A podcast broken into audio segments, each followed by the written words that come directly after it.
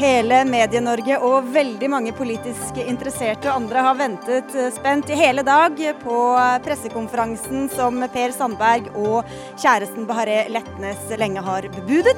Men hva er budskapet deres eh, etter at Per Sandberg trakk seg fra regjering og Frp-ledelsen i går?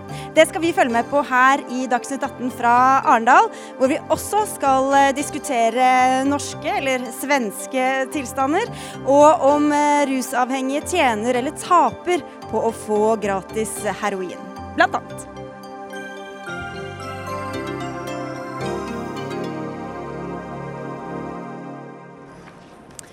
For i likhet med veldig mange andre har altså Dagsnytt 18 ventet spent på denne pressekonferansen jeg nevnte. Vi vet ikke helt hvor eller når den skal holdes, men vi følger med og sender fra den hvis den kommer i vår sendetid. Jeg heter Sigrid Solund. Men vi begynner med en ganske annen sak, nemlig at regjeringa vil sette i gang et forsøk med gratis heroin til rusavhengige. Helseminister Bent Høie har bedt Helsedirektoratet om å finne praktiske løsninger på prosjektet, som skal gjelde opptil 400 rusavhengige i Norge. Forsøket kan komme i gang om noen få år, men det er også skeptiske røster, bl.a. din Olaug Bollestad. Du er helsepolitisk talsperson i Kristelig Folkeparti. Hvorfor applauderer du ikke dette forsøket? Eh, for det første så tenker jeg at eh, vi har utrolig mange rusutfordringer som vi skal løse. Vi har gått sammen med regjeringa i veldig mange eh, spørsmål når det gjelder rusplan og opprustning av rusarbeidet. Eh, så velger en å ta et prosjekt som det er strid omkring. Det er strid omkring det er, om det er det som er det beste. Vi vet at overdosetallene går ned når det gjelder heroin, men det går opp når det gjelder andre ting. Og Da er spørsmålet bruker vi ressursene våre riktig i forhold til akkurat den å nå målet. Og så er det en sak til som jeg mener er sentrale. Det er at eh, selv om vi kan bruke argumenter, så er jeg opptatt av at vi aldri aldri må miste målet om at det skal være et mål om rusfrihet. Så tenker jeg Det er mange andre tiltak vi burde gjort før vi gjør dette. Men som politiker så vet du vel også at man ikke bare kan innføre eh, tiltak som det er fullstendig enighet om eh, alle, fra alles, eh, alle hold? Nei, men det er jo klart at jeg vet jo at Bent Høie har òg meint det som jeg mener i veldig mange år. Sånn at dette er ikke noe nytt at jeg og Bent Høie faktisk er, har vært enige om dette. Så dette har jo vært et kompromiss som har kommet nå, med en ny regjeringsplattform. Jeg, og han har tapt det òg i sitt eget parti i forhold til det som ble deres program. Så jeg tenker eh, vi må tørre å diskutere det. Det er jeg veldig opptatt av. Og jeg er utrolig opptatt av å gi et mangfold til rusavhengige. Men spørsmålet er om vi skal gi mer av det som egentlig er det som er slitsomt for den som er rusavhengige. Og det er jo det vi skal diskutere her, helseminister Bent Høie. Hva er det som da har fått deg til å snu? Det er jo eh, en eh, erkjennelse av at eh, det er noen rusavhengige i dag som vi ikke når godt nok fram til med eh, verken helsehjelp eh, eller det å skape en stabil bosituasjon og et innhold i, i hverdagen. Det er en gruppe som, ikke, eh, som, det er vanskelig å nå. Og så er det en annen gruppe som eh, faller ut i dag av den legemiddelassisterte rehabiliteringen som vi har. Så er jo jeg òg helt enig i Olaug i at alle de som har en motivasjon og et ønske om å bli rusfri, de skal selvfølgelig få et uh, tilbud uh, om dette. Det kommer ikke på bekostning av det. Og Da mener jeg at vi må være åpne òg i Norge for å prøve ut Eh, dette eh, i en, norsk, eh, i en norsk sammenheng, for å se om vi der på den måten kan bedre, bidra til å bedre livskvaliteten. Fordi det vi vet er at For noen heroinavhengige så er den kampen for å få tak i penger og den daglige rusen så totalt dominerende i livet at vi ikke rett og slett når fram med de andre hjelpetiltakene. og Det er f.eks. ikke mulig å skape en, en stabil. Uh, og Det er nettopp uh, det som er så. vet jo, jo ja, men Kan vi bare få høre ja. fra Bollestad om det? fordi det, det, kan jo virke, Hvorfor skal dere da forholde dere til verden slik dere skulle ønske at den var, i stedet for verden slik den faktisk er, og som vi ser på gata? Ja, eh, jeg mener jo at det er en del, en del pasienter eller brukere som ikke når inn til men jeg mener òg at vi har ikke nådd målet og klart å endre vår egen måte å tenke poliklinikk på ut der pasientene er. De skal komme til oss der vi er. Altså, vi, må, vi, må, kunne tenke flere tanker. Vi har ikke vært jordnære nok og nær der brukerne er. Vi har lagd et system som det er vanskelig å komme til. For det blir jo nesten sånn at det, eh, vi gir på statens bekostning eller regning eh, mer av det som er deres utfordring, istedenfor å komme med andre tiltak. Jeg er med og støtte om gode botiltak, eh, gode oppfølginger. altså Alt det andre. Men spørsmålet er om vi skal gi opp og nå inn med en annen type behandling. Men da skal vi høre med dem det gjelder også. da. Arild Knutsen, eh, du er leder av Foreninga for human narkotikapolitikk, og har jo stått fram også med lang eh, erfaring, brukererfaring selv, eh, og har vært talsperson for disse rusavhengige i mange år. Hvorfor mener dere at dette er et viktig tiltak for noen da i denne gruppa? Ja, Det er jo fordi man skal aldri gi opp rusfriheten, men dette setter setter de vi ikke klarer å hjelpe fra før, i en posisjon til å kunne gjøre noe med problemene sine. Heroinutdeling redder liv. Det øker verdigheten i, i livene til folk som lever de mest utsatte liv i vårt samfunn i dag. Og det reduserer så kraftig kriminalitet. Og det er heldig for hele samfunnet. For brukerne er det at de må ikke begå eh, handlinger som, eh, for, som de ellers måtte ha gjort fordi de er avhengig av heroin, når de kan få det som medisin. Men hva er sjansen for at noen skal komme seg ut av den heroinavhengigheten når de kan gå og få den gratis utdelt hver dag? Hvis du blir påført ytterligere traumer, lever i et skadelig utenforskap på heroin, så blir det lenger og lenger unna mulighet for å komme ut av det. Hvis du er i direkte kontakt med helsevesenet, som kan hjelpe deg med alt du trenger av type hjelp, så er det mye lettere å komme seg ut av det. Og husk på, heroin er kortvirkende morfin. I forhold til metadon og Subutex er dette lettere å slutte med. Så jeg er veldig stolt av helseministeren som har foreslått dette her. Regjeringen som går for en rusreform fra straff til behandling, og omdanner heroin fra kriminalitetsbefengt dødelig narkotika til livreddende medisin. Men da, da, er spørsmålet Høie, hva slags, eh, eh, hva slags andre tiltak er det som, skal pakkes, som, dette skal pakkes inn i? Hva annet er det som møter dem, som skal følges opp når de kommer og får denne heroinen? Ja, det er jo eh, bl.a. Tilbud om eh, helsehjelp. Det er det å få et trygt sted å bo. Og det å få noe meningsfullt aktivitet i løpet av, av, dagen, enten det er arbeid eller andre aktiviteter. Og Det er jo nettopp den type hjelpetiltak. Hvis de ikke vil ha det, da? Hvis jo, de bare vil komme og få jo, den heroinen? Jeg, jeg tror at folk alle mennesker ønsker et trygt sted å bo, og alle mennesker ønsker eh, et innhold i hverdagen. Utfordringen for denne gruppa er at eh, jaget etter heroin og rusen den er så totalt dominerende i deres liv at eh, både kriminaliteten som de pågår, eh, rusen, gjør at f.eks. det at selv om de får et tilbud om et godt botilbud, så er de ikke i stand til å ta imot det. Og det er nettopp Hvis en skaper den stabiliteten og roen rundt disse andre tingene i livet deres, så kan vi òg kunne oppleve at eh, flere eh, er kommet i en situasjon der de faktisk òg ønsker f.eks. å trappe ned på heroin og gå over enten i annen type legemiddelassistert rehabilitering eller bli rusfri. Det ser vi òg innenfor metadonprogrammet i dag, at flere og flere faktisk trapper ned og slutter å bli rusfri. Nå er det to mot én her, vi skal jevne balansen litt. Thomas Clausen, du er professor ved Senter for rus- og avhengighetsforskning. Og det er flere forskere innen rusfeltet som er skeptiske eller negative til, til dette forsøket. Hva bunner det i? Vi tenker nok forskermiljøet at eh, heroinassistert behandling vil kunne hjelpe de som får det. Omtrent på samme måte som det, vi kunne forvente hvis de fikk metadon. Eh, men det er også en behandling som eh, kommer med noen sideeffekter, noen bivirkninger, som er større enn hvis de hadde fått standardbehandlingen. Altså for dem det gjelder? Ja, for, fordi det gjelder. Altså, man vil kunne få ikke-dødelige overdoser. og Det er derfor den behandlingen må ha helsepersonell tilgjengelig hele døgnet eller i åpningstiden, og som gjør behandlingen kostbar. Så det er en kostbar behandling for få. Eh, og Spørsmålet er om det er riktig prioritering. Hvis la oss si vi har 1000 som trenger behandling, og så skal vi gi denne behandlingen til 200. Hva da med å satse på de 800 andre isteden? Eh, hvis vi får begge deler, skal vi være glade. Hvis vi må prioritere bort de 800 andre, så er jeg mer skeptisk til denne prioriteringen. Så du har ikke de samme innsigelsene som, som, som Bollestad nødvendigvis, at det går utover dem det gjelder, men at, at potten er ikke stor nok til at alle da skal kunne få det de trenger, eller?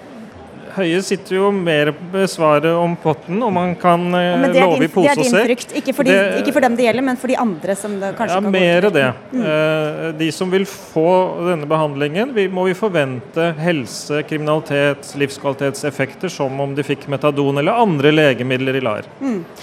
Vi skal gå til Høie, Hva er fordelen med å få heroin eh, framfor eh, metadon eller andre legemiddelassistert Det er ikke så veldig mange fordeler kanskje medisinsk sett, men det er nok et legemiddel i denne sammenheng da, som vil tiltrekke seg noen som ikke vil fungere i metadon. Så det er et tilbud for de som ellers ikke vil være i behandling. Ok, Høie, det, Kan du da garantere at dette ikke skal gå på bekostning av disse få hundre som det tross alt gjelder? Av, av de andre, altså, som er i den andre gruppa? Ja, det, Dette skal ikke gå på bekostning av den legemiddelassisterte behandlingen eller annen, annen rusbehandling. Og så er jo sånn at Dette er jo en pasientgruppe eh, som i dag i liten grad når Eh, og som vi vet derfor òg har eh, eh, et veldig kort liv, dør i mange Men, men da betyr det jo flere pasienter inn, og det blir jo dyrere ja, men, for, når vi, når vi driver med prioritering innenfor helse, så vurderer vi nettopp hvordan klarer vi å skape flere gode år for mennesker. Og når dette er grupper som dessverre ofte dør i ganske ung alder, hvis dette kan være med på at de lever lenger og får betydelig bedre livskvalitet eh, i de årene de lever, så vil det sannsynligvis være òg ut fra prioriteringskriteriene fornuftig å sette i gang. Men det er jo noe av det som nå Helsedirektoratet òg har fått i oppdrag av å se på. Men da må jo pengesekken bli større? Ja, pengesekken må bli eh, større. og Det er jo også derfor også denne regjeringen har sagt at rus er et av de områdene som vi tydelig prioriterer, ikke minst i samarbeid med, med KrF. Så den største satsingen på rusområdet går jo på de områdene som vi er helt eh, enige eh, om.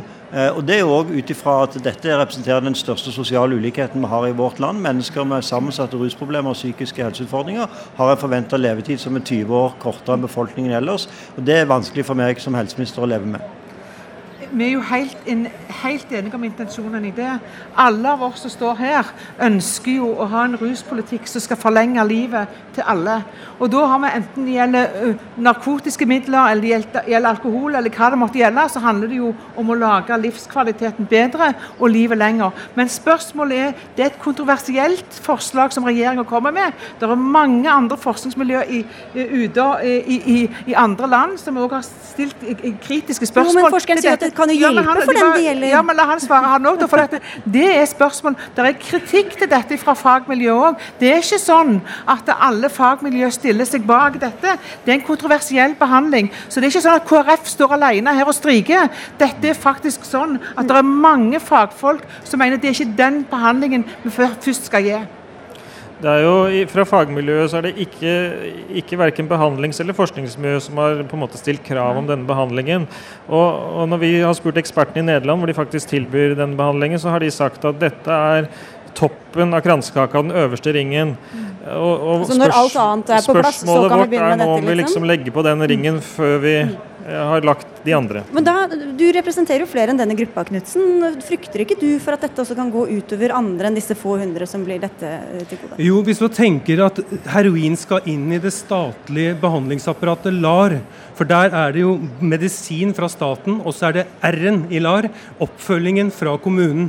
Så hvis man tenker, altså Oslo og Bergen har søkt om å få lov til å ha, opprette heroinklinikker. Da får du mye tettere kontakt med oppfølgingsapparatet, og da vil, da vil de ikke dominere for statlig spesialisthelsetjenestebehandling. Og Det er veldig viktig å huske på det, at det er veldig mange fagfolk i, i rusfeltet i Norge som er positive til denne behandlingen. og En av de viktigste grunnene til det, det er at de syv landene i Europa som har begynt med heroinklinikker, der er det ingen land som har lagt de ned igjen pga. at det er så gode resultater. I Danmark Eller fordi det er vanskelig å fjerne et tilbud som allerede er innført? Nei, det er ikke derfor. fordi dette kan legges ned og tilbakeføres til ordinær substitusjonsbehandling. Men det, det sies i Danmark at det er politisk selvmord å være mot heroinklinikker og be dem nedlagt, fordi det reduserer så mye kriminalitet, åpner russcener, bringer verdighet i de mest utsattes liv og redder liv. Samtidig så er det jo dette som Bolstad sier, at det kanskje, kanskje, er å gi opp, eller det som andre vil si at handler om moralisme.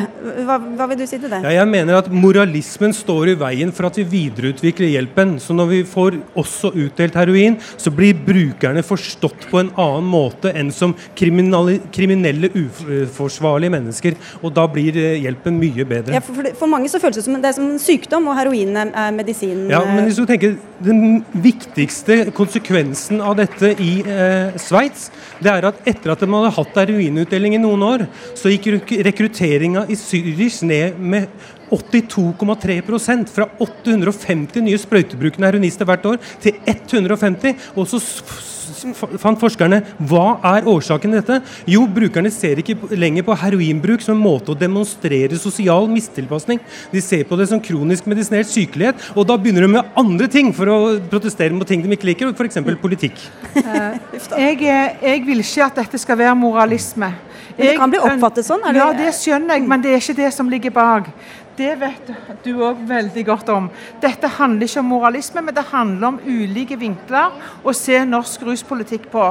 Og da vet jo jeg som har jobba i sykehus i mange år, at det, det er preparater vi gir til pasienter som narkotiske midler. Selvfølgelig er det det, og det skulle blott bare mangle. Men spørsmålet her er om det er det som skal være det valget, vi, eller, skal vi, eller som nesten blir det første valget, når vi ikke får tak på denne pasientgruppa. Eller er det andre ting jeg mener vi må fylle i dette hullet? Det er mange hull ennå som vi ikke har fylt. Og da er mitt spørsmål skal det være dette som blir den enkleste for oss politikere? Politikere, eller er det andre ting som burde vært gjort først? Det er mitt spørsmål.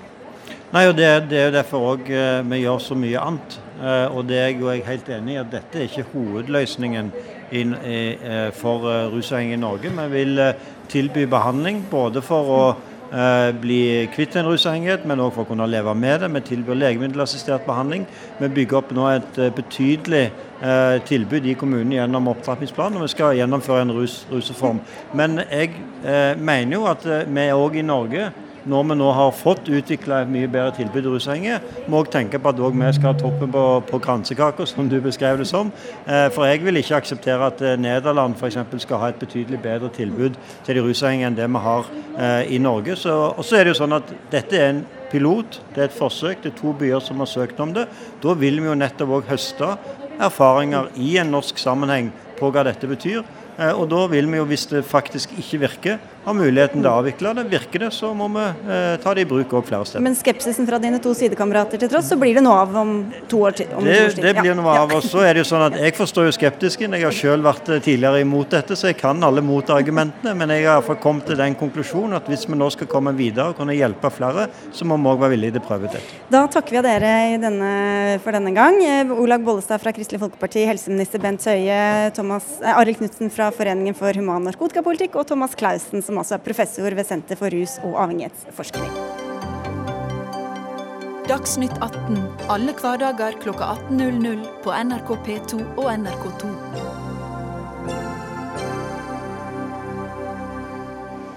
Det er kanskje noen som savner Per Sandberg. Jeg skal ikke si at vi også gjør det, men vi skal si at vi følger med på saken. Så hvis han dukker opp, så, så er vi på ballen. Men vi skal til en annen sak som ikke har fått like mye oppmerksomhet, men som eh, i hvert fall eh, skaper mye engasjement for dem det gjelder.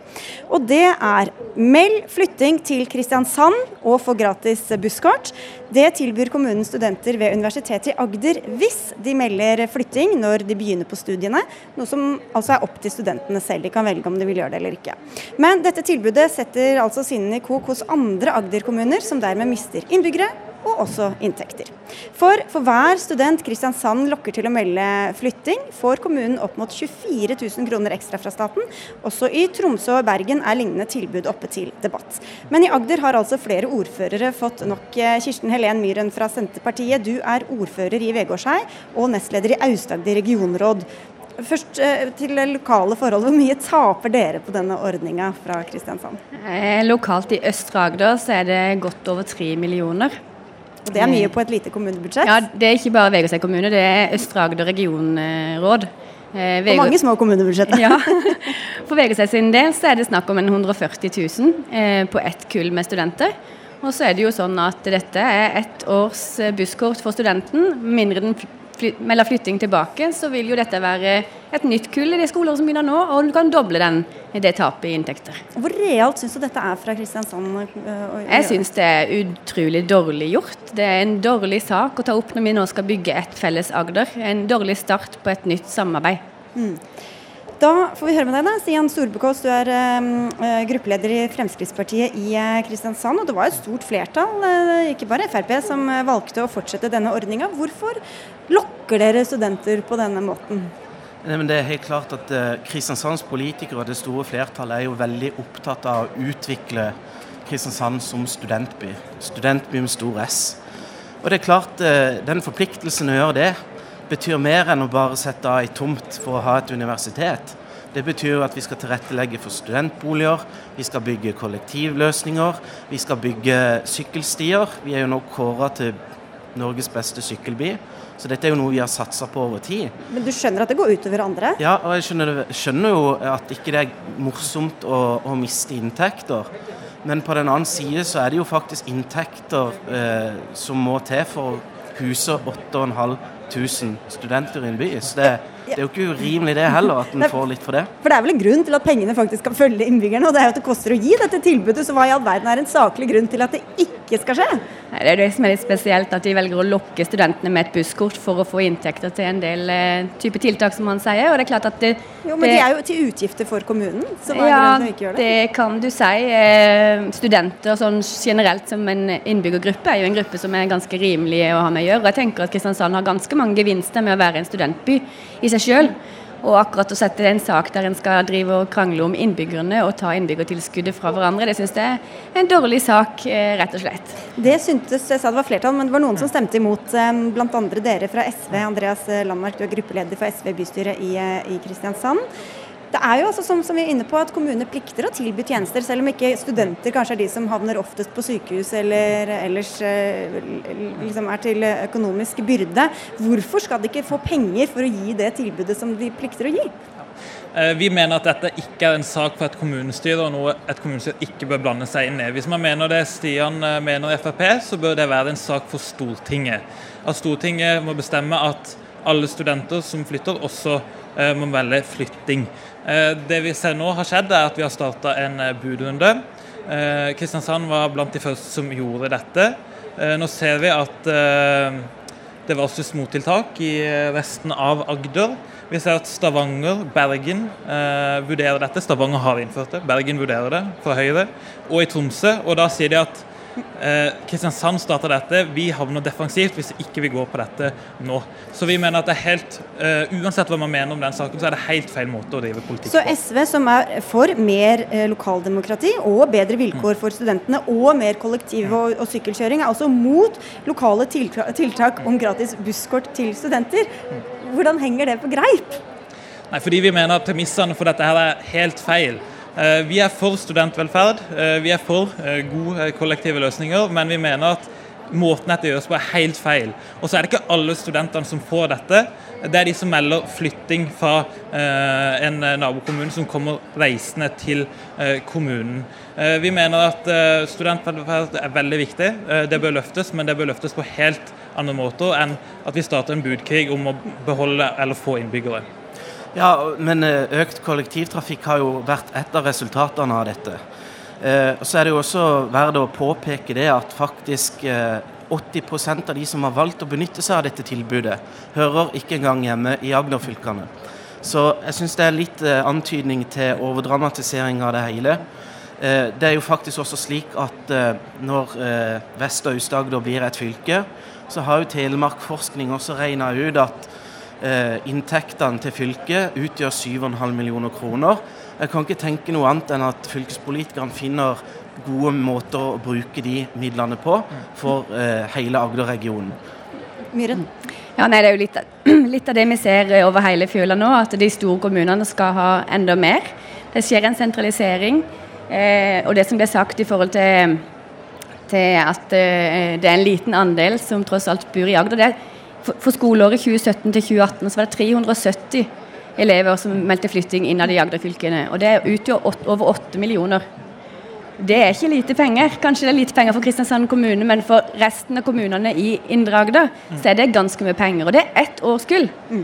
Og neste år ja, Dere kan jo minne dem om å liksom melde flytting tilbake, da? hvis Det er det, det, det kan vi. Det er ikke bare enkelt å lage mottiltak for mer studenter over hele landet. Men ja, vi vil bli tvunget til å gjøre det hvis denne ordninga skal fortsette. Ja, Stian var jo opptatt av at dette her styrker eh, regionen eh, pengemessig. og både Grimstad og Kristiansand Grimstad er jo ikke innført dette, de er jo en del av Universitetet i Agder. Har jo mange studenter som studerer utenbys, som ikke melder flytting. Og når andre kommuner nå slenger seg på, Stavanger og eh, kanskje Bergen og Tromsø, så vil jo vi også tape på det. Fordi vi får jo studenter ned fra Oslo og andre steder, eh, og vi eh, får de til å melde flytting pga. busskort, og da er det jo naturlig at de også vil vurdere det samme. Jo, men det er jo en ordning som tjener, Kristiansand tjener på, er det ikke det? Det er jo ikke noe tvil om at hele byen som helhet tjener på dette. For det at det utløser betydelige eh, tilskudd til byen. Men som sagt, vi har 8500 mennesker i den byen som skal ha infrastruktur og tilbud osv. Så, videre. så det, er, det, det er ikke så ensidig om at vi bare prøver å grabbe til oss fra en pengesekk. Det er faktisk ikke det som skjer i, i denne saken her. Nå skal vi også evaluere dette, så skal vi se og lytte til, til kommunene når vi får dette tilbake på bordet. Vi er ikke interessert i å bli uvenner med med hvem det skulle være i Agder. Det er ikke planen. Ja, dere er snart uh, nye fylke. Uh, som, det, som, det ble nevnt her, det er kanskje ikke den beste starten på sammenslåinga som skal skje snart? Nei, men jeg tenker altså Hvis du setter det opp uh, til en diskusjon om rene kronebeløp, så er det jo veldig lett å forstå synspunktet hos sitt. Men dette handler jo faktisk om at vi har en landsdel med ett universitet. Og vi skal styrke det universitetet. Jeg kan ikke tro noe annet enn at det er til det beste for hele regionen. Men uansett hva man mener om den saken, Stian, mener du at det er riktig måte Kristiansand går frem på? Er dette en sak som bør løses lokalt, eller burde man, hvis man mener det du mener, løfte det nasjonalt? Og Jeg skjønner godt distriktskommunene som har brukt masse penger på grunnskolen, og som ønsker at studentene skal vende hjem etter studiene i storbyene. Ja, men jeg syns det er helt legitimt at kommuner benytter helt uh, lovlige metoder for å Men er det riktig fremgangsmåte? Det, det, det, kan man sikkert diskutere til Dovre faller, men om Stortinget eh, eh, gjør en endring der, så må vi jo lytte til det. Men vi altså i Kristiansand eh, har ett mål for øye, og det er å styrke Kristiansand som studentby. Du, vi tar det som et, eh, en, god bro, en, god bro, over til neste sak, og så takker vi av eh, dere for at dere kom. Andreas Landmark fra SV, Kirsten Helene Myhren fra Senterpartiet og Stian Storbegås fra Fremskrittspartiet.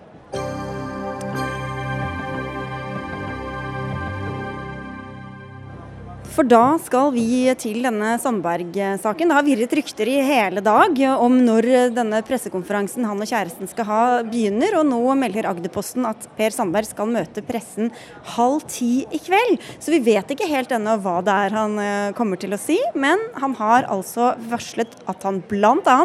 skal fortelle hva han mener om pressedekningen av denne saken, som førte til at han også måtte gå av som fiskeriminister og nestleder i Fremskrittspartiet. Og for at vi skal minne om at det ikke bare er mediesirkus, det er også en viss alvorlighetsgrad her. Opposisjonen har altså varslet at det kan komme en kontrollsak i Stortinget, og regjeringa har fått en ny fiskeriminister, altså.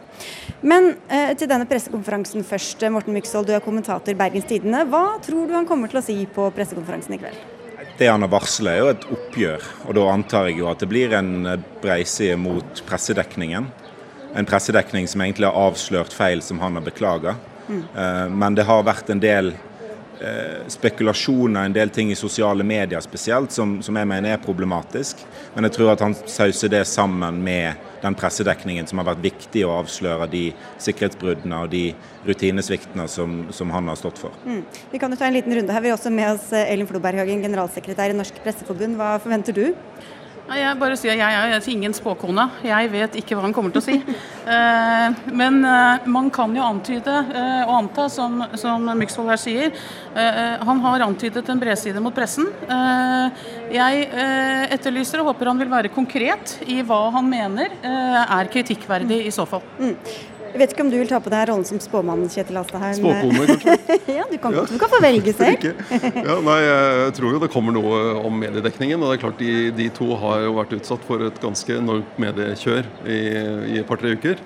Eh, og Noe av grunnen til at det er blitt sånn, er jo at Per Sandberg eh, har forsøkt å håndtere denne saken på egen hånd uten å uh, få hjelp, uten å be om hjelp eller bruke den hjelp, støtteapparatet han har hadde rundt seg, både i partiet og i departementet. Han har sendt ut svar, nattlige svar, postet ting på Facebook ti over halv to om natta. og sånn, og det, det går som regel ikke så bra. Ulf Leirstein, stortingsrepresentant for Fremskrittspartiet. Holdt på å si, Du får være stand-in for Sandberg her. Hvordan vil du karakterisere denne pressedekningen av denne saken? Stand-in for Sandberg tror jeg ikke jeg skal være. Jeg tror han skal få si akkurat hva han føler for da nå i kveld, hvis jeg skjønner riktig halv ti. Ja, det. men det er klart at eh, som medlem av Fremskrittspartiet så, og på Stortinget så har jeg selvfølgelig fulgt veldig godt med på, på saken. Og det er klart at eh, nå som han har en fri rolle ved at han nå ikke lenger verken er i regjering, han er jo ikke på Stortinget, og han har nå ikke verv i Fremskrittspartiet, så kan han selvfølgelig prate langt friere enn det enhver annen politiker kan gjøre. Så det er vel det han har behov for, å komme med sin versjon av saken. Men hva synes du da om den pressedekningen vi har hatt? Nei, la meg aller først si at selvfølgelig er det jo kjempeviktig at eh, media skal gjøre jobben sin i forhold til å ta oss som maktpersoner når vi gjør noe feil, eller når vi tar, gjør noen overtramp, eller på en annen måte eh, osv. Men, men det er klart at eh, når man ser på det kjøret som er, og som har vært nå i et par uker, så er det massivt. Når man står oppi noe sånt, så tror jeg det er veldig fort gjort å glemme at vi også har med personer og mennesker eh, av kjøtt og blod å gjøre. Så det er klart det er kjempetøft for en person, også for en som person som Per Sandberg, som altså er vant til å stå i stormen. Å stå i en sånn storm eh, dag ut og dag inn i et par uker, det må være kjempetøft. Eh, så han har også min sympati som menneske oppi dette her. og det av og til lurer jeg litt på om media er klar over det, eh, hvor tøft det kan være å bli hengt ut og osv. Så, videre. så selv om vi skal, vi skal tas, men man kanskje av og til så tar man kanskje personer litt vel heavy. Og det er jo en kritikk du og vi har hørt mange ganger før, Floberg Hagen. Absolutt, og særlig i sånne typer saker. Og jeg har lyst til å si meg enig med Leirstein i at den belastningen å stå i et sånt medietrykk, tror jeg ikke de, de fleste av oss vil, altså kjenner aldri på det. Har aldri opplevd det. Den er tøff for Per Sandberg, det er jeg overbevist om. Den er særlig tøff for folk som ikke er vant til et stort medietrykk, som Letnes i denne saken her. Det tror jeg har vært, eh, og håper jeg, har vært til diskusjon i redaksjonene. Hvordan skal vi ta hensyn til det? Hvordan skal vi dekke saken? Få de svarene på det vi lurer på, eh, med å ta hensyn til dette. Og nettopp Letnes er det mange, det er mange som har kritisert det Alstaheim, at hvordan hun er blitt møtt og hva slags spørsmål hun har fått. Hva slags eh, eh, hensyn skal man ta da til at hun ikke er en medievant person? Hva slags spørsmål bør hun kunne forventes? Vi, vi, bør jo ta hensyn til at hun eh, ikke er en medievant person, ikke er, har i, eh, søkt offentligheten på samme måte da, som Per Sandberg har gjort. Uh, og så syns jeg det er litt vanskelig å svare på kritikken før den er fremmet av, av dette paret. Men, men det, det, vi har diskutert i mange sånne situasjoner, er jo det samlede medietrykket. Og da, da tenker vi gjerne på de redaktørstyrte mediene. altså hva, hva vi i DN, hva BT, hva NRK gjør. Men det som, uh, som vi var inne på tidligere, som kommer i tillegg nå, er jo hele det sosiale medietrykket. Mm. Som uh, jo er helt utenfor de redaktør, redaktørstyrte mediene. Men for den som er oppi det, blir en del av, det, av, totaliteten. Vi har også med oss Øystein Hagen, som er redaktør i Fiskeribladet. og Dere har vel også fått mest altså direkte kritikk eh, fra Sandberg, bl.a. for kildebruken. Gruer du deg til i kveld? Ja. ja, det stemmer. Nei, Jeg regner vel med at vi kommer til å få kjeft, men det har vi gjort før, så det skal vi tåle. Og vi står støtt på de kildene vi har valgt, eh, så det er ikke redd for det hele tatt. Men også omtalen av, eh, av Letnes eh, og disse skjulte kildene deres. Hvordan, hvordan skal et, et par som, som, som, Letnes og Sandberg kunne forsvare seg mot det? Nei, men altså, Vi har fått tips og, og, som vi har jobbet med og brukt andre kilder enn det som han antyder. Og Vi har prøvd å komme i kontakt både med med, med Sandberg og Letnes, og også for den del med Statsministerens kontor for å få svar på dette hele juli måned. Og de svarte oss ikke. Og så la oss si det sånn, Sandberg svarte oss, og det er SMS-er som ikke egner seg på trykk. Sant? Men, eh, men vi fikk aldri svar på det vi spurte om. Men så han hadde hatt full mulighet til å si, hva han vil, si det han ville. Leirstein, som mange har fått med seg, så er det jo altså en, en skilsmissesak eh, til bakgrunn her, samtidig som det også er en alvorlig sak konstitusjonelt og altså sikkerhetsmessig. Eh, så hvordan mener du at man skal kunne liksom ta hensyn til det ene når det samtidig er en alvorlig sak og, og, og, som, som Stortinget bl.a. har varslet at det kan ende i en kontrollsak? Ja, nå sitter jeg også i kontrollkomiteen, så det er mulig vi får saken på, på, på bordet der på et eller annet tidspunkt. Mange har varslet at de vil ta den dit. Nei, dette er ikke enkelt. Men det er klart at det er veldig viktig det som man er inne på flere her. Eh, husk at det også er familie. Man har familie, man har barn. Man har nære pårørende som også ikke er vant til å stå i det, som ikke har bedt om oppmerksomheten. Så det er klart at spesielt i denne saken her, som også blir veldig privat Én eh, ting er det han har brutt av retningslinjer, eh, men det er klart det her blir også sausa mye sammen knyttet til den skilsmissen han er midt oppi, som også blir litt sånn eh, som alle skal da få et innsyn i, og det blir ekstra tøft. Så jeg må innrømme at jeg veldig ofte når man er ute i denne type saker, så uansett hvilket parti det er, eller hvilken type maktpersoner det er, så må man aldri glemme at det også sitter noen hjemme som kan ta dette veldig veldig tøft. Og det er klart at Én ting er det mediene ansvaret for, og så er det selvfølgelig det av hva folk måtte gjøre på sosiale medier. Det får man stå til ansvarlig, ansvarlig for selv. Men det er i hvert fall viktig at man tenker gjennom dette i redaksjonene. når man for av og til oppleves det som man jakter i flokk, for her har man liksom løpt i dag etter dag for å prøve å finne liksom den beste vinklingen på de forskjellige mediene. Vi får, vi får bøye oss i skam i dag. Men det er, det er klart det er massivt. Dette, dette er massivt. Så, så, vet jo ikke jeg hva Per har tenkt å si i kveld, men han har sikkert et veldig behov for å få sagt noe. Og jeg, jeg har kjent Per i over 20 år, så jeg regner med at han kommer med relativt klar tale, i hvert fall. Så får vi håndtere det deretter.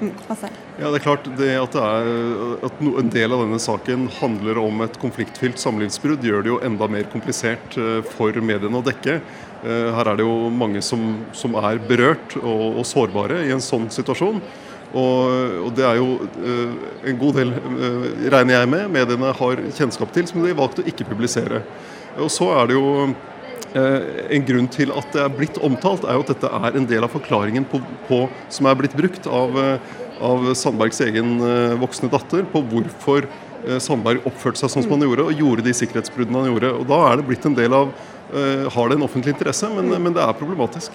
Myksvold Alsheim var inne på i stad sosiale medier. Hva slags ansvar har redaksjonelle medier for hvordan det spinner videre der? Altså der er det jo først og fremst de som, som skriver ting på internett, som må innse at det kan få store konsekvenser òg for, for de de skriver om. Altså Omtale av Letnes som en mulig spion for Iran f.eks., og spekulere i det, kan føre til trusler mot henne. Og det, det sier hun sjøl at har ført til trusler eh, mot henne. Eh, når det er sagt, så altså, den miksen mellom at dette er en veldig offentlig og, og viktig sak, og en veldig privat, sår sak, gjør det jo viktigere, eh, desto viktigere at Per Sandberg er veldig tydelig når han prøver å forklare saken.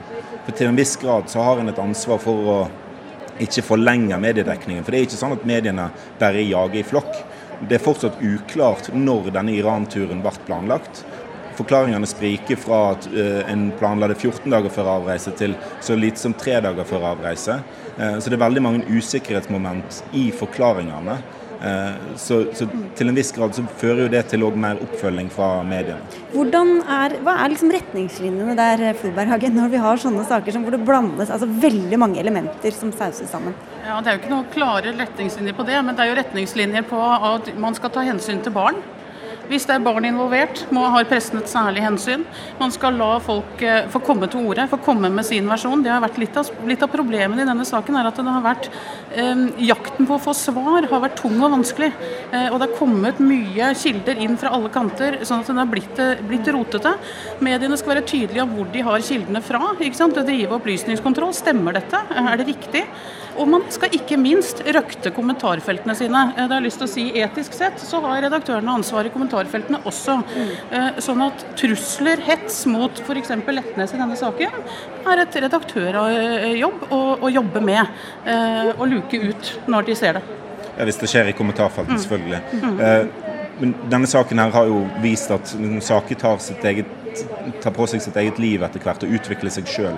Altså, den begynte jo ved veldig mange uproblematiske avsløringer, som at hun var norsk-iraner eller at hun var tidligere asylsøker. Og Det er jo noe som jeg vil tro Sandberg opp oppfattes som veldig urettferdig kritikk, og, og en dekning som, som, han ser på som veldig urettferdig. Og så ble det mer og mer avsløringer om de faktiske problemene som gjorde at det var viktig at han gikk av. Kan jeg, kan jeg bare si, altså jeg har også lyst til å gjenta at jeg, jeg håper Sandberg vil være konkret. Mm. Uh, og jeg håper også han benytter seg av muligheten til å klage til PFU. Uh, dersom han mener dette uh, noe her har skjedd med brudd på god presseskikk, så får vi en ordentlig gjennomgang av saken. Myksvold, du har jo også en Det blir jo fjernere og fjernere, men en fortid i, i Fremskrittspartiet. Jeg vet ikke om det går an å sette denne saken inn i den settingen, men det er jo ikke første gang Frp anklager mediene heller når de er oppe i vanskelige saker. Nei, det har blitt et slags uh, kjennetegn med uh, mediekritikk fra Fremskrittspartiet. At, at, alle er mot de, og at, uh, at, folk jager i flokk, og at det er alle mot, mot Frp. Det har jo vært noe som Carl I. Hagen i sin tid brukte for å fremme Frp, og ser at Frp skilte seg ut fra de andre. Eh, så Det har jo blitt brukt til FrPs fordel i mange år òg. Er, er, det lett å ty til det, Leirstein?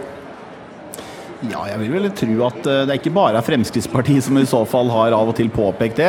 Erna Solberg hadde vel noen ganske kraftige uttalelser før i dag om mediene. Og, og jeg tror Jonas Gahr Støre også har vel vært ganske tydelig på hvordan han opplever en del ting eh, mot Arbeiderpartiet de siste månedene. Jo, men, men, men, men det er klart at, tror du at Frp har vært i en sånn særstilling der? Ja, vi har nok vært i en særstilling i den forstand at eh, vi, eh, vi har jo vært eh, et veldig spesielt parti sett med medias øyne gjennom mange, mange år.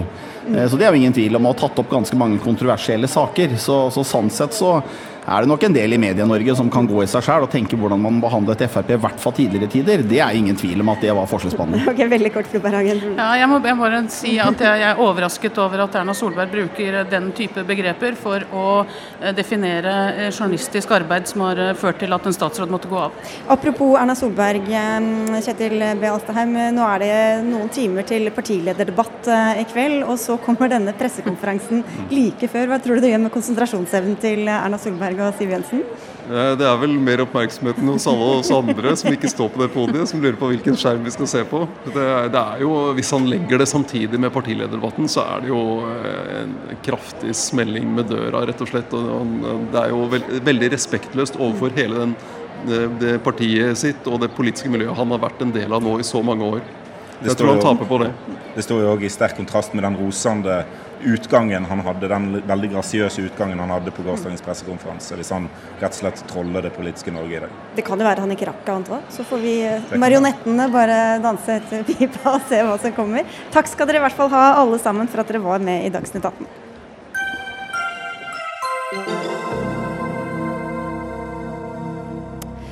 Ekteskapet er mellom mann og kvinne. Slik står det i hvert fall i KrFs partiprogram. Men forrige helg ble partiets kvinnelige kommunikasjonssjef gift med en annen kvinne.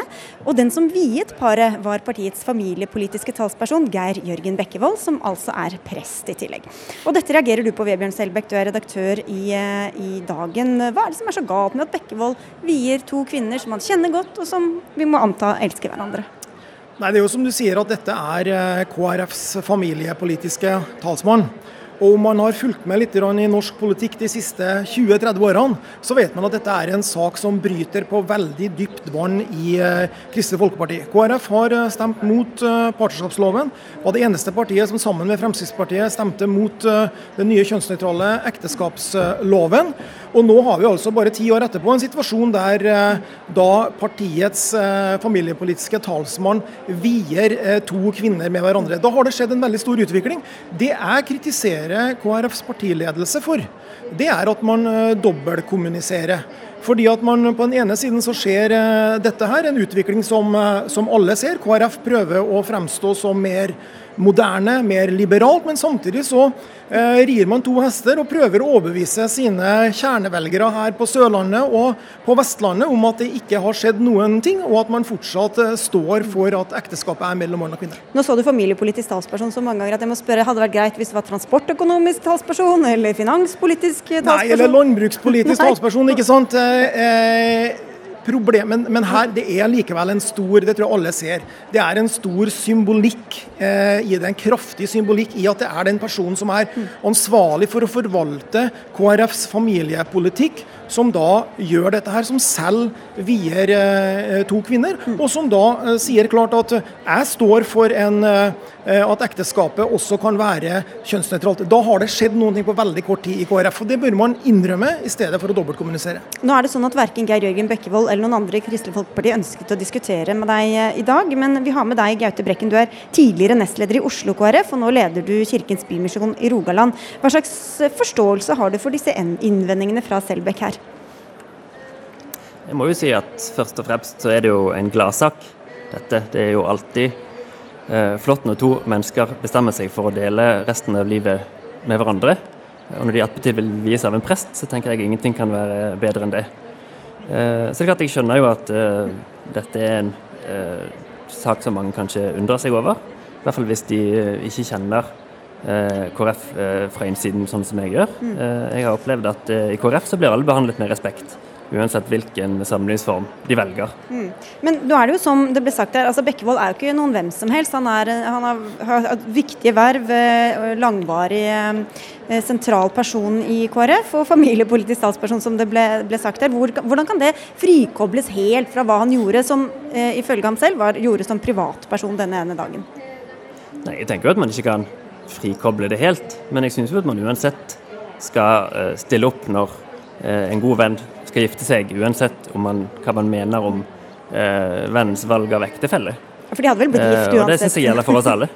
ja, da for, for all del, ikke sant. Men men jeg reagerer på at eh, KrF-ledelsen eh, nå prøver å ta en slags eh, Per Sandberg og sier at dette var noe som den familiepolitiske talspersonen gjorde som privatperson. Altså Like lite som Per Sandberg kunne plaske rundt i Det kaspiske hav som privatperson, like lite kan KrFs familiepolitiske talsperson vie to kvinner uten at det en, har en politisk betydning og sender ut politiske signaler til KrFs velgere. Så tillitsvalgte i et parti kan aldri gjøre noe som ikke ikke står nedfelt i det partiets Vi snakker jo ikke om en vanlig tillitsvalgt. Dette er jo ikke en eh, kommunestyrevararepresentant. Dette er jo personen som skal forvalte Kristelig Folkepartis ja, Hvem er det som ikke familie... Gjelder det alle på Stortinget? Nei, alle i fylkesstyrer? Hvem er det det gjelder? Det er, ikke jeg som skal bestemme dette her. Hvem er det du ikke ville kritisert, da? Nei, men, eh, men eh, altså, uansett om det hadde vært en, en annen stortingsrepresentant, så hadde det også skapt debatt i Kristelig Folkeparti blant kjernevelgerne. Men det er klart at når, når, han som er ansvarlig for familiepolitikken, som skal forvalte denne på KrFs eh, vegne, gjør det Og husk på at dette er en sak som bryter på veldig dypt vann i Kristelig Folkeparti. Har gjort det i, i, i flere eh, tiår, og er en sak som fortsatt betyr må, mye for mange kjernevelgere. For her er det altså et, et delt parti. ikke sant? Det er mange i KrF som mener det ene, og det er mange som mener det andre. Men nå står det jo fortsatt av Brekken, i partiprogrammet at ekteskapet er mellom mann og kvinne. Så hvordan skal folk som deler det synet, kunne stole på partiet i denne saken, når de ser Bekkevold gjøre dette? Altså, jeg har full tillit til at eh, Geir Jørgen Bekkevold følger opp det politiske programmet som KrF har vedtatt, og som han er valgt inn eh, på Stortinget på. Uh, og så er det jo samtidig sånn at I demokratiske partier i politiske prosesser så har man mulighet til å jobbe for å endre partiets politikk. Og Nå er det enn så lenge et stort flertall i KrF som ønsker å definere ekteskapet for mann og kvinne. Og, men det er jo en sak som debatteres i partiet. og de ser jo ikke bort fra at om noen år så kan eh, partiet gå inn for en annen politikk. Vi ser jo nå hvordan denne saken eh, skaper uro i Kristelig Folkeparti. Også bare De siste dagene så jo, har vi fått 50 utmeldelser med direkte begrunnelse i denne saken. Og eh, det kommer i tillegg til de eh, fire folkevalgte som KrF har, har mista i Hordaland. Det har jeg ikke innsyn i, men kanskje har man fått det òg. Du teller ikke der? Nei, jeg gjør ikke det. Du, vi, som... vi, gjør sjelden det i pressen. vi har jo altså et parti som jeg nevnte, som har to ulike syn på ekteskapsloven. Da er det jo ganske naturlig at noen som står på den ene siden, prøver å påvirke partiet sitt i retning av den retningen man ønsker. Helt, helt legitimt. Men, men, eh, det kritikkverdige er partiledelsen som prøver å ri to hester samtidig, og ikke engang tør å, å stille opp i eh, debatt eh, her under Arendalsuka på, på Dagsnytt 18. Det syns jeg også er veldig talende for hvor vanskelig det er i en debatt. Jeg tror vi lar det bli siste ord. Eh, tusen takk skal du ha, Vemund Selbekk, og takk også til deg, Gaute Brekken, for at du var med i Dagsnytt 18. Du er altså nå med, leder i Kirkens Bymisjon i Rogaland. Hør Dagsnytt 18 når du vil. Radio NRK Radio.nrk.no.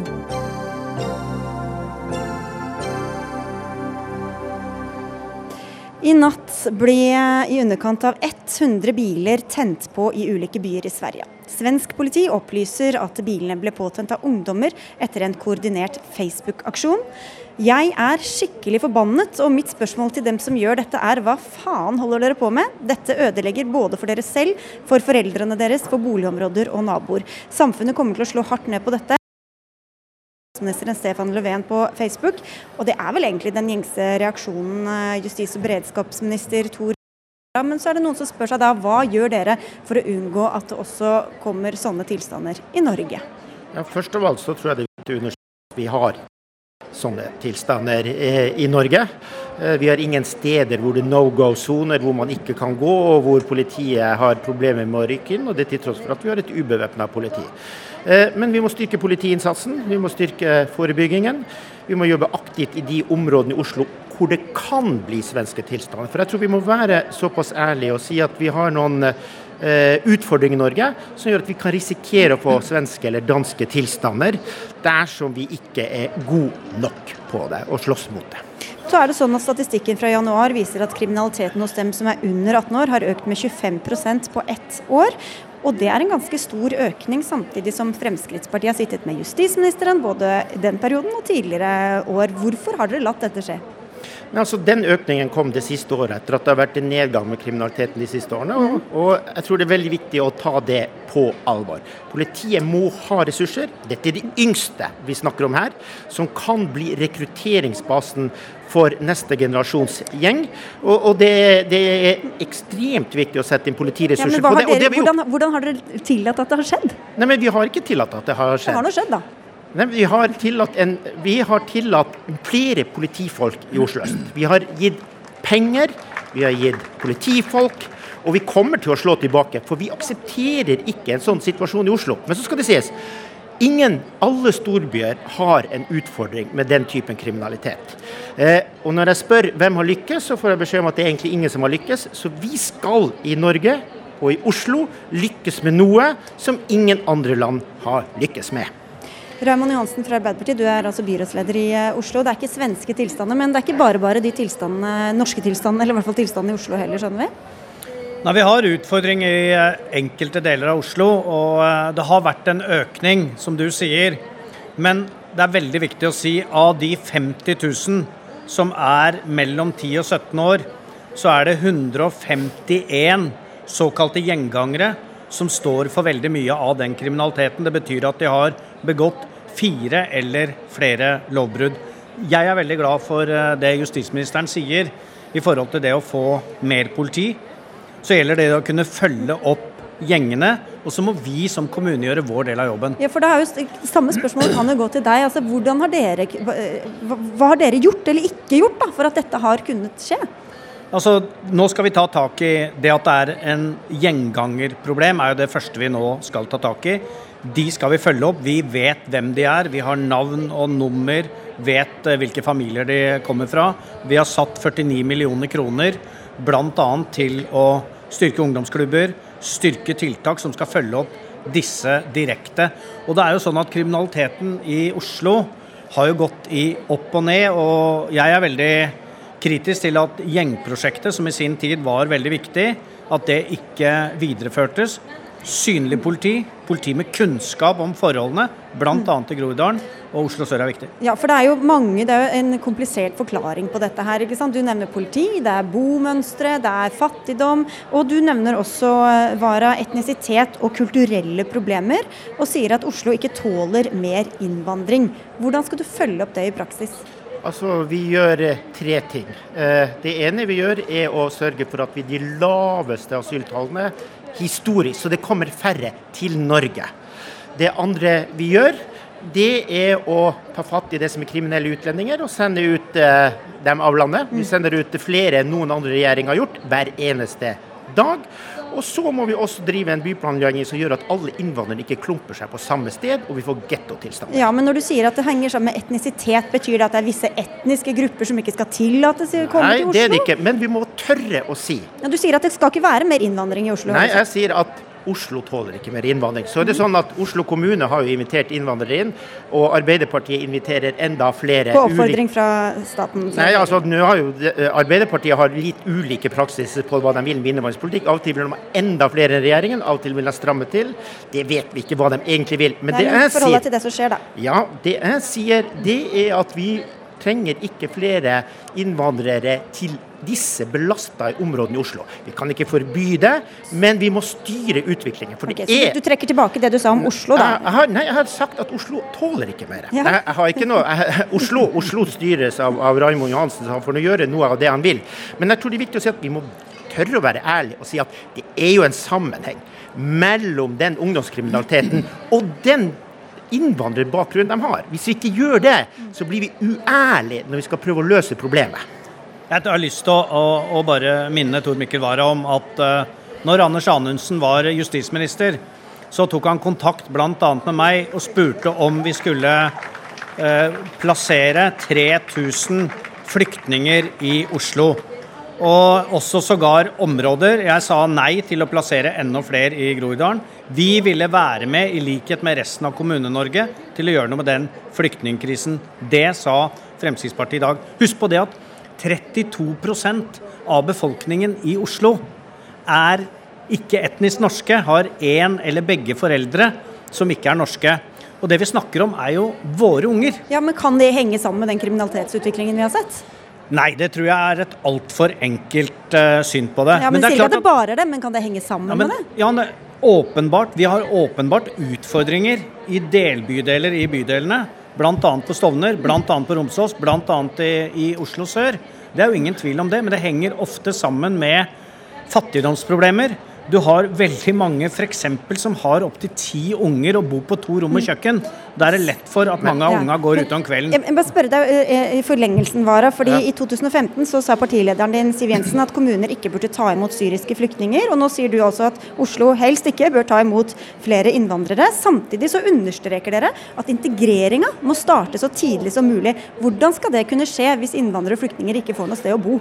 Altså, Hvis du tar imot for mange innvandrere på ett sted, så blir ikke den innvandringen ja, men nå snakker vi om de som er her, de som ja, skal være her. Og, det, og, når dere sier at de ikke skal ut i kommunene, hvordan skal man nei, nei, begynne med integreringen? Vi, vi, altså, de som kommer, må vi prøve å plassere andre steder enn i de samme bydelene i Oslo. Må så må det skje en integrering der. Men det, det, det, som er viktig her, i forhold til hva Raimond sier, det er at jeg syns man skal diskutere fattigdom. Jeg syns man skal diskutere botetthet. Men jeg syns man også skal diskutere innvandring. Og Raimond sitt utgangspunkt er at han ikke vil diskutere innvandring som men, utgangspunkt for problem for kriminaliteten. En, ting. Jeg har ansvaret for integrering. Du har ansvaret for innvandring. På forespørsler fra deg og dine så har vi sagt oss villig til å motta det dere spør om. Det er viktig. Og samtidig så har jo Høyre og Fremskrittspartiet styrt Oslo i nesten 20 år. Og bl.a. da kjøpt, kommun, kjøpt, kjøpt, vent nå, kjøpt kommunale boliger i områder hvor det koster lite penger. Som på Tøyen, som i Groruddalen.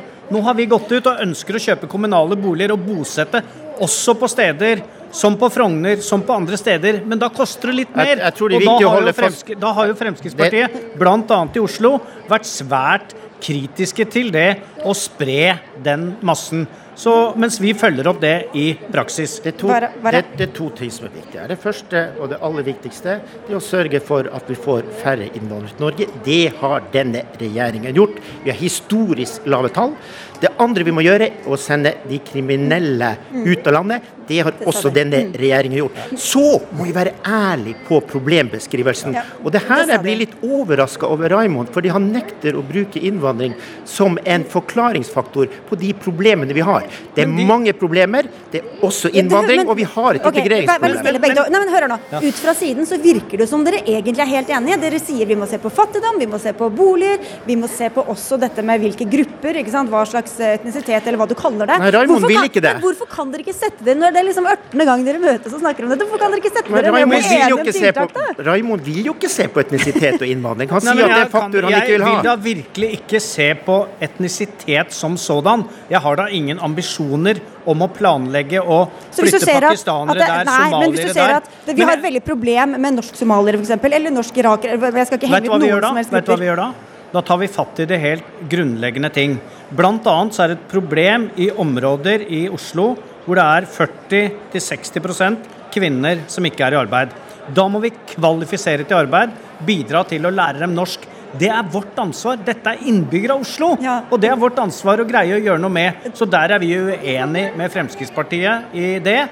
Dette er ikke kriminelle utlendinger. Dette vi har å gjøre Nei, med her, men- er borgere men- men stort det- sett det- fra Oslo. Ålreit. Veldig veldig kort til slutt. Det Vara. blir meningsløst å ta bort kulturell bakgrunn. F.eks. hvis innvandrere i et forsøk på å hindre kriminalitet sender barn til koranskoler i utlandet, så handler ikke det noe om fattigdom å gjøre. Det handler om en kulturell bakgrunn som vi må tørre å kjenne på og tørre å være ærlige med. Dere, Vi må eh, tørre å si ha det også, fordi nå er sendinga vår over. Tor Mikkel Wara og Raymond Johansen. Jeg må bare må spørre Tor Mikkel Wara, er du litt spent på den pressekonferansen som din eh, partikollega Per Sandberg skal holde om en par timer? Ja, jeg er alltid spent på pressekonferanse fra, øh, fra Per Sandberg i Hva, den situasjonen. hva forventer du? Overhodet ingenting. Jeg har ingen mening om hva som kommer. Jeg har ikke tenkt på det over det i det hele tatt. Tidenes mest omtalte, i hvert fall. Eh, Den er om noen timer, men ikke glem partilederdebatten som skal være på NRK i kveld. Vi er tilbake her i Dagsnytt 18 eh, fra Arendal også i morgen. Tusen takk til alle som har hørt og sett på fra publikum fra kaikanten her. Det var Dag Dørum som hadde ansvaret for sendinga. Frode Thorshaug hadde det tekniske ansvaret. Og jeg heter Sigrid Solund. Vi høres og ses igjen i morgen.